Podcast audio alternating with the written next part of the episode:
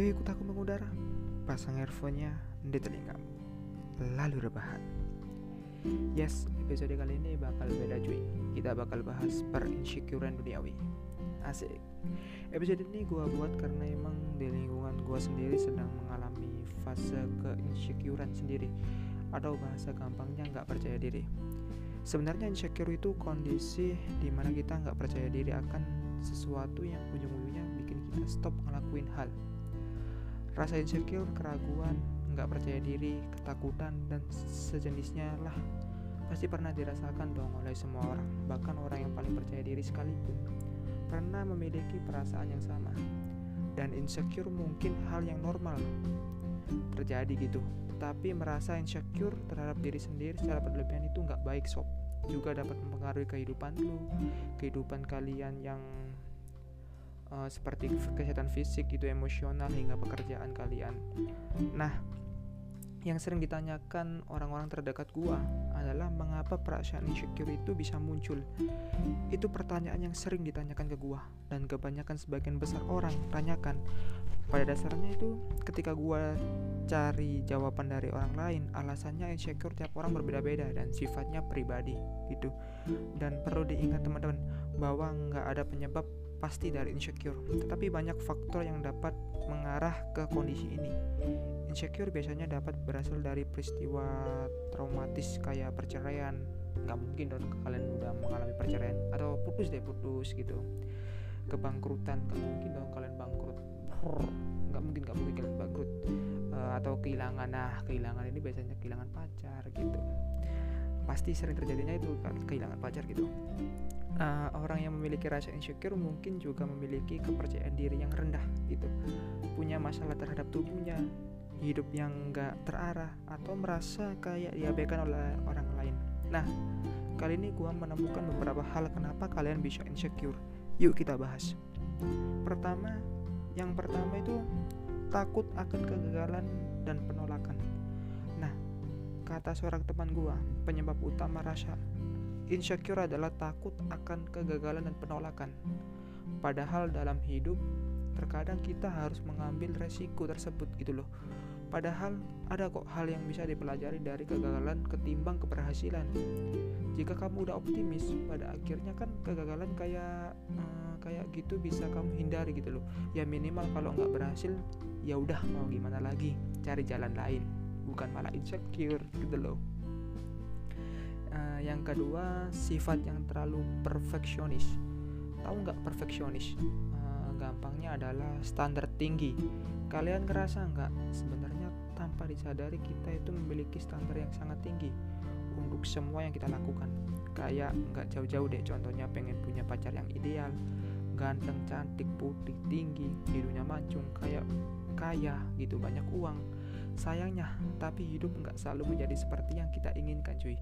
Bahkan kita udah bekerja semaksimal mungkin.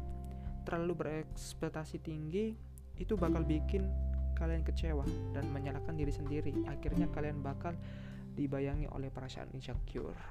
Yang ketiga, kurang percaya diri karena kecemasan dan pikiran negatif. Banyak dari kita mungkin uh, pernah mengalami kurang percaya diri dan itu pasti dong nggak ada yang nggak misalnya deketin seseorang gitu.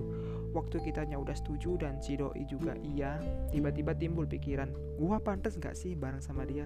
Akhirnya lebih memilih ngejauh karena pikiran negatif diri sendiri. Perasaan kurang pede kan sebenarnya bisa diatasi tapi kembali lagi setiap sifat dan kepribadian orang itu nggak bisa ditebak. Yang keempat korban omongan-omongan negatif dari lingkungan sendiri. Lu jelek lu kok jerawatan? Lu kok gendut? Lu emang punya apa ngedeketin dia? Cantik tapi pakai filter. Adalah contoh-contoh omongan-omongan negatif yang sering uh, bikin orang itu insecure. Dan sebenarnya hal-hal kayak gitu normal dan wajar. Cuman yang nggak normal dan wajar itu omongan-omongan kayak gitu. Uh, ya selain empat hal itu yang gua sebutin masih banyak lagi sih. Tapi yang sering empat itu sih. Dan salah satu alasan mengapa banyak orang insecure itu karena mereka terlalu menilai dirinya sendiri sangat rendah. Betul nggak? Terlalu merendah itulah yang membuat mereka canggung dan dapat menimbulkan rasa iri dan cemburu terhadap orang lain. Uh, iri pada orang lain bisa membuat lu membenci orang banyak akhirnya menjadi menjudge orang atau mengomentarin hidup orang gitu loh bila lu menemukan sesuatu yang negatif tentang orang lain ya jangan dikomentarin maupun ngomongin orang tersebut pahami bahwa kalian itu cemburu dengan pencapaian orang lain. Selain iri dan cemburu sifat terlalu perfect ini juga bisa mempengaruhi lu. Memiliki standar tinggi dalam segala hal gak akan bisa berjalan mulus sob. Akan ada aja yang berubah atau gagal di luar kendali lu. Intinya uh, gampangnya kalian terlalu berekspektasi tinggi dan ketika ekspektasi itu nggak sesuai dengan apa yang lu bayangin lu bakal kecewa dong betul nggak? Jadi mulai sekarang stop untuk insecure ya. Lagi pula kenapa kamu insecure? Bukankah kamu lupa kalau Tuhan telah menciptakan dirimu dengan sesempurna mungkin gitu loh? Uh, coba lihat ke cermin dong bagaimana kamu mendefinisikan dirimu saat ini cantik tampan atau penuh talenta. Apa pun itu adalah semua yang ada dalam dirimu gitu loh. Kenapa harus insecure? Hanya karena fisik? Toh kamu juga bisa glow up lebih dari itu. Kamu punya potensi yang belum kamu sadari. Semua orang punya porsinya masing-masing kok. Santai aja dan aku tahu kamu sudah berusaha tapi jangan mengikuti standar orang orang lain. Karena kamu hanya akan lelah dengan standar mereka.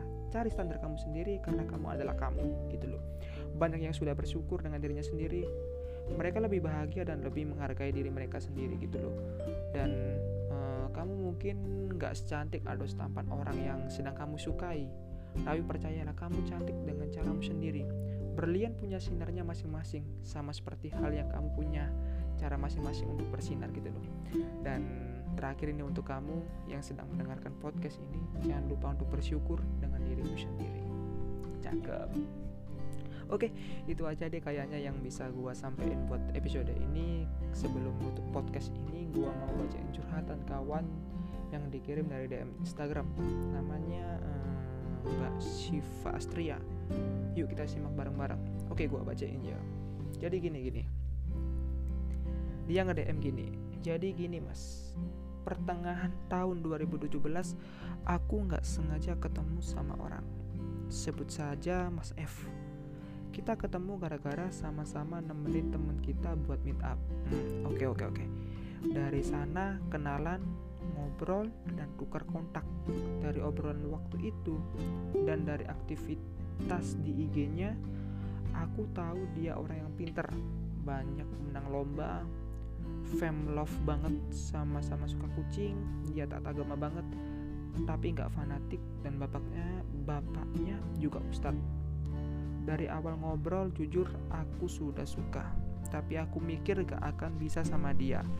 Aku kentang Gak ngerti agama. Jadi so tiga tahun ini kita sekedar sapa-sapaan aja di Instagram. Dan kemarin aku baru wisuda Pas selesai acara dia tiba-tiba DM dan telepon kasih selamat dan lain-lain gitu. Dan surprisingly dia nanya jadi kamu free nggak mau nggak taaruf sama mas Wrr, diajak taaruf. War war war war oke oke oke. Uh, ini cuman opini ku ya. Di masalah ini aku tahu kalau dia emang yang kamu suka dong. Dia tipe ideal kamu. Tapi kenapa kamu harus insecure gitu loh? Ada yang bilang sama aku waktu itu seorang kawan ya dia bilang kalau hubungan itu proses Mbak Siva. Proses yang menentukan layak atau tidaknya itu adalah proses yang membuat nanti bertumbuh gitu loh. Dan perihal diajak ta'aruf yang gua tahu sih ta'aruf itu kan menuju ke pernikahan. Saranku yang masih muda belia ini masih polos. Unyu unyu ini karena emang gua nggak tahu tapi kalau boleh saran gitu kalau emang mbak siap secara lahir batin ya gas aja. Jangan sampai mbak Siva menikah cuma embel-embel biar nggak zina atau apalah. Tapi ujung-ujungnya cerai. Pikirin matang-matang kalau siap ya oke.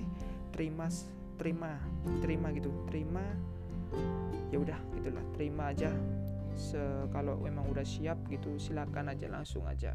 Kalau belum siap ya udah santai tenang. Uh, usah buru-buru gitu. Dan selama aja btw buat wisudanya mbak Siva kongras dan tetap semangat gitu. Dah itu aja kemungkinan yang bisa gue sampaikan di episode keempat ini. Uh, maaf kalau ada salah kata gitu ya kan. Dan uh, kita akan kembali lagi ke episode kelima. Tetap episode kelima kita gua bakal bahas tentang perinsecurean duniawi lagi. Dan ya itu aja deh. Gua mau nutup tapi cuma juga bingung nutupnya mau gimana gitu. Ya udah gua tutup aja. Makasih teman-teman udah dengerin podcast episode keempat ini. Sampai jumpa di episode kelima rasa bercakap podcast. Dadah